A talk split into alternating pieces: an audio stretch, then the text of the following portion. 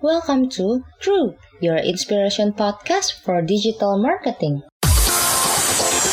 Jadi gue mungkin di sini lebih bisa cerita. Lo juga bisa cerita. Gue juga. Iya, thank you loh. Kalau lu bilang gue mau semua orang di Jakarta sikapnya berubah, men semua orang di Jakarta tuh banyak.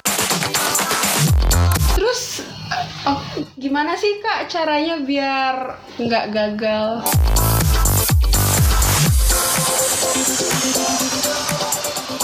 Podcast Crew episode 11 bareng gue Fadlan. Dan Wanda. Oke, jadi ini kita tag langsung ya setelah podcast episode 10. Berhubung suara gue lagi bagus. Ah, iya. Dimanfaatkan. Dimanfaatkan lah. Oke, episode 11. Kemarin kan episode 10 kita ngomongin tentang asik bersikap ya. Ya. Ya, ya mudah-mudahan bagus ya nanti Ya, amin. eh, peningkatannya. Amin ya. Aku juga lah ya. Amin, amin. Oke, eh, kalau kemarin kita ngebahas tentang di Instagram, nah mungkin sekarang agak lebih general. Eh, kita ngomongin tentang eh, curhatan-curhatan yang disampaikan ke gua sih rata-rata. Jadi gua mungkin di sini lebih bisa cerita. Lo juga bisa cerita. Gue juga Iya, thank you loh. Jadi eh, banyak yang bilang atau nanya-nanya ke gua kayak kok gue sering gagal ya eh, berbisnis gitu. Terus apalagi kok gue nggak bisa manfaatin perkembangan teknologi, perkembangan sosial media untuk ningkatin bisnis gua Kayak banyak yang curhat Iya, tuh iya. ke teman gua cerita-cerita kayak gitu. Lu sendiri pernah bisnis gak sih?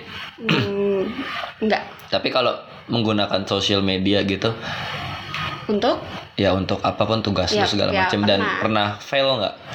eh, Pak pasti pernah. Pasti pernah. Pasti pernah. Ah, itu da- eh, lo tau nggak kenapa lo fail?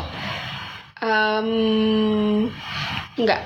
Enggak. Enggak. Nah, eh, dan itu juga jadi jadi question mark untuk banyak orang sih kayak eh, banyak orang yang merasa mereka tuh gagal karena mereka nggak tahu sebetulnya kenapa mereka gagal. Oh, iya, iya. gitu mereka gue gagal tapi gue nggak tahu kenapa ya padahal gue udah ngejalanin semuanya gitu Iya, iya. sesuai dengan step-step yang memang diharuskan Iya, iya. nah mungkin di sini gue bisa eh, sharing pengalaman gue kalau gue sih eh, dilihat dari orang-orang yang dekat-dekat sama gue dan gue melakukan observasi itu biasanya karena ada tiga hal Wan Apa aja tuh? Nah, kalau gue biasanya tuh pertama yang paling penting itu adalah kita nggak tahu market kita siapa. Hmm. Ibaratnya gini, eh, lo nggak tahu audiens lo siapa, Wan. iya. Kalau misalkan asik bersikap, eh, diperuntukannya mungkin untuk siapa target lo. Untuk masyarakat luas sih sebenarnya. Nah, sebetulnya kalau misalkan lo bilang lo masyarakat luas, justru sebetulnya lo nggak tahu mas- eh, target lo siapa, Wan. Oh. gitu kenapa karena ke- semakin lo mengeneralisasi audiens lo artinya lo semakin nggak tahu sebetulnya audiens lo siapa Oke. dan itu jadi kesalahan di banyak eh, apa ya orang-orang yang menggunakan social media untuk meningkatkan bisnisnya atau ya sebagai personal brandingnya dia dia tuh nggak tahu sebetulnya orang-orang yang dia tuju tuh atau targetin tuh siapa Hmm. jadi eh, misalkan dia asik bersikap itu akan lebih baik ketika lu tuh bisa sespesifik mungkin nggak cuma dari konten tapi juga target audiens lo. Misalkan kayak oh gua mau eh, ngenargetin orang-orang yang bapak-bapak yang memang kurang aware nih kalau pulang kerja dia lebih mentingin dirinya yang capek abis kerja daripada ngasih kursi prioritas misalkan kayak gitu. Oke. Kenapa? Karena ketika lu tahu marketnya, ketika lu tahu audiens lu, lu jadi bisa nge-treat dia tuh sepersonal mungkin Oke oke. gitu. Dan lu ya gini deh, kalau prinsip orang itu kan kita nggak bisa muasin semua orang. Yap. Ya kan, kita pasti punya haters dan kita nggak bisa memenuhi apa yang orang yang orang mau. Yap. Begitu juga dengan di eh, bisnis di eh, digital gitu. Kita nggak bisa nge-grab, nge-reach eh, segmen-segmen yang berbeda-beda gitu. Jadi kalau lu bilang gue mau semua orang di Jakarta sikapnya berubah, men semua orang di Jakarta tuh banyak Iya. gitu. Jadi lu fokus ke satu hal dulu, ke satu segmen dulu. Nah nanti kan kalau segmen ini bagus, lu baru bisa switch ke Oh, iya. segmen lain. Oh, Iya. ngerti ngerti. Ya, Oke. Jadi itu Wan, kenapa orang mungkin nggak suka banyak yang ngeliat asik bersikap Wan? Enggak kok udah banyak lumayan. Oh ya bagus bagus. Oke itu yang pertama. Oke. Yang kedua adalah lu nggak tahu sebetulnya value yang lu tawarin apa. Hmm. Jadi lu oke lu ngasih konten yang bervalue, tapi sebetulnya lu sendiri nggak ngerti kenapa lu memberikan itu. Hmm. Lu cuma ngeliatin orang, oh eh, konten ini works, terus lalu langsung aplikasiin tanpa lu ngeliat sebetulnya konten itu sesuai dengan eh, personal lu atau enggak. Oke. Jadi kayak misalkan kalau dasik bersikap biasanya value yang lo tawarin tuh apa? value-nya ya Ya misalnya apa? Lo lo ngasih tahu contoh atau lo ngasih tahu kenapa harus ini atau gimana? em, jadi ada eh, ngasih tahu jadi kan ada postingan yang udah kita post itu ada dua kan. Ada yang desain dan ada video. Kalau di video itu kita eh, kasih contoh perilakunya. Kalau di desain yang postingan itu kita ngasih kenapa gitu. Oke, jadi why sama how-nya Iya. ya. Oke, oke. Nah, eh, itu udah udah oke sih menurut gua gitu. Nah, banyak orang yang nggak ngerti sebetulnya kayak udah gua lempar aja konten-konten bagus Ah, gitu. Tapi sebetulnya dia tuh nggak punya sistematisasi atau nggak punya karakteristik sebetulnya va- value yang ditawarkan tuh sesuai nggak dengan dengan market yang mau gitu. Bisa aja kan kayak misalnya dia asik bersikap eh oke lo ngasih tahu how to-nya. Sebetulnya orang-orang nggak ya gue tahu gue gua nggak perlu dikasih tahu how to-nya gue tuh Yeah. udah ngerti gitu yang Yeah. gue perlu itu adalah eh alasan kenapa gue harus ngasih ke prioritas. Why-nya. why-nya gitu. Jadi kan sebetulnya ya udah fokus ke why-nya aja. Oke. Gitu. Oke nah yang ketiga biasanya ini untuk bisnis ya terutama itu fokus ke produk sama ngejual aja. Dia tuh nggak bener-bener ngasih sesuatu yang bisa menarik orang untuk mengunjungi platform lo. Kayak contohnya dia asik bersikap nih. Ya oke itu social campaign tapi menurut gua nggak boleh social campaign itu fokus kepada ayo ayo ayo ayo ngajak-ngajak doang tapi kayak nggak ngasih tahu benefit-benefit atau misalkan adding value yang mau ditawarkan. Oh. Gitu. Nah kalau misalnya dia asik bersikap, biasanya lu postingannya selain ngasih tahu why sama how, apa lagi? baru itu aja sih Oh, baru itu aja. postingannya juga belum terlalu banyak Oke, nah mungkin bisa ya mungkin kayak eh, selain lu ngasih eh, why sama how, lu bisa ngasih trivia juga. Misalkan kayak contoh gini, eh, kenapa sih dia ada eh, apa sejarah di baliknya pengguna apa pengadaan kursi prioritas. Oh, terus kayak alasan kenapa warnanya merah kayak Oh, gitu. iya. terus kenapa empat orang empat orang kan ya? Iya. ya empat orang itu menjadi prioritas. Kenapa di se- kalau misalkan ada orang kelima siapa orang kelimanya? Jadi kan Hmm. itu merangsang orang untuk nggak iya jadi nggak cuma sekedar ngajak doang tapi juga ngedukasi sih. Iya iya iya. Gitu. Itu itu bisa jadi value juga ngasih insight lagi gue. Sekalian konsultasi iya iya iya iya. nah gitu sih. Jadi itu alasan-alasan kenapa banyak orang tuh gagal di berbisnis atau kenapa orang menggunakan sosial media itu kurang bisa grow sih Oke, ngerti-ngerti. Oke, terus oh, gimana sih kak caranya biar nggak gagal?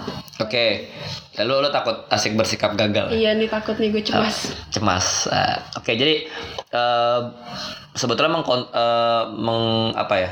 Melanjutkan dari tiga hal yang gue sebutin tadi, eh, ya cara biar nggak gagal itu yang pertama ya lo harus customer oriented, gitu. Lo harus tahu market lo siapa dan Oke. eh, lu jangan cuma bikin apa yang lu mau, Hmm. tapi juga lu harus melihat sebetulnya audiens kita nih butuh dan maunya tuh seperti apa Oh, oh iya yang ngerti. gitu. Jangan misalkan kayak gua lo bikin posting yang bagus banget tapi sebet eh, misalkan bikin infografis gitu. Eh ternyata eh, audiens tuh butuhnya kayak video. Ya sebaiknya lu bikinnya video Iya, nextnya gitu. Ngerti, ngerti. Jadi harus customer oriented.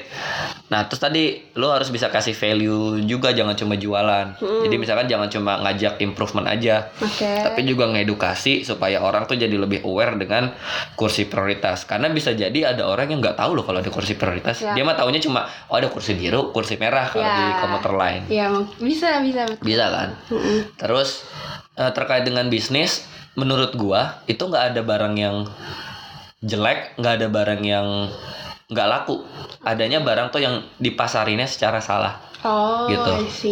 Gue pernah bahas di podcast sebelumnya juga wan di episode sebelumnya Mm-mm. em, apa ya misalkan ya ini agak kasar sih buat bulan puasa nih padahal tai sapi misalkan gitu tai ayam deh Ya. Gitu. tai ayam menurut lo sesuatu yang apaan sih jijik gitu kan Ya. tapi sebetulnya kan kalau misalkan kita tahu cara ngejualnya kan bisa jadi pupuk Oh, Gitu. Oke.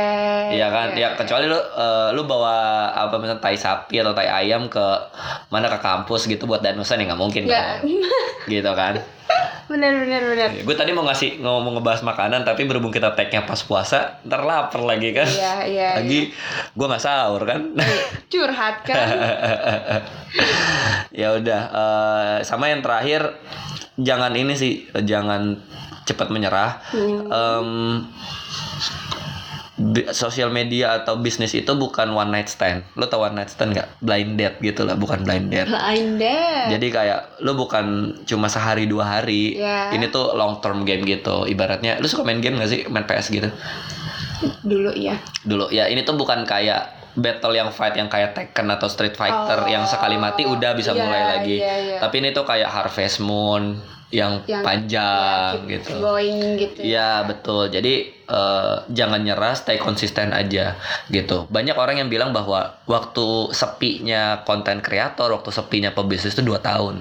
Jadi selama dua tahun itu lu buat konten aja terus. Nanti di at least kalau misalkan lu tetap nggak bertumbuh, Hmm. eh, lu tuh dapat konsistensi dan lu tuh tahu sebetulnya cara-cara yang tidak benar tuh seperti apa Oh. gitu kan ntar, ntar lu tinggal uh, mengambil dua kesimpulan deh dari ketika setelah misalkan lu dapat hasil yang Iya, seperti iya. tadi either lu bisa improvement tetap nggak menyerah ya atau lu mati aja Yang kedua serem sih. iya jadi gitu Wan Hmm, Uh, iya. supaya nggak gagal untuk di asik bersikap Oh, ya untuk di di berbisnis ya, Ya. secara utamanya juga ya kan karena di di samping gua adanya lo ya yang bisa gua roast kan lo benar-benar ya. ya udah abis ini uh, oh iya lo gimana dengan kuliah nih update update Kuliah udah memasuki apa sih? Ah, waktu akhir semester. Ah, oke, oke. Which means tugas akhir. Oke, jaksel sekali ya. Which oh ya, means- literally. Literally, oke. Aduh. Oh iya, eh, doain juga buat Wanda. Dia kalau nggak salah kalau podcast ini di apa di launch itu pas Wanda lagi ke Eropa ya, lagi Apa- tour ya. Apa bulan itu? Eh, iya bulan ini bulan bulan Juli kan. Oh, ya. Ya udah, Iya. doain buat Wanda semoga sukses. Amin. Baik terus ya. kalau mau tahu aktivitas apa Krida Pradipa Kencana kan udah satu bulan udah dua bulan malah lebih udah tag podcast berkali-kali ngomongin ini Pradipa Salah. Kencana. salah Iya ya. Kencana Pradipa. ya udah kalau mau tahu aktivitas Kencana Pradipa bisa dilihat di mana? di at kencana pradipa atau di at Ana Dewanda Oke, thank you Wan. Oke. Gue kayak gue Wanda, eh gue Gue Midoy. Gue gue Wanda, gue Midoy kita cabut. Bye. Aneh banget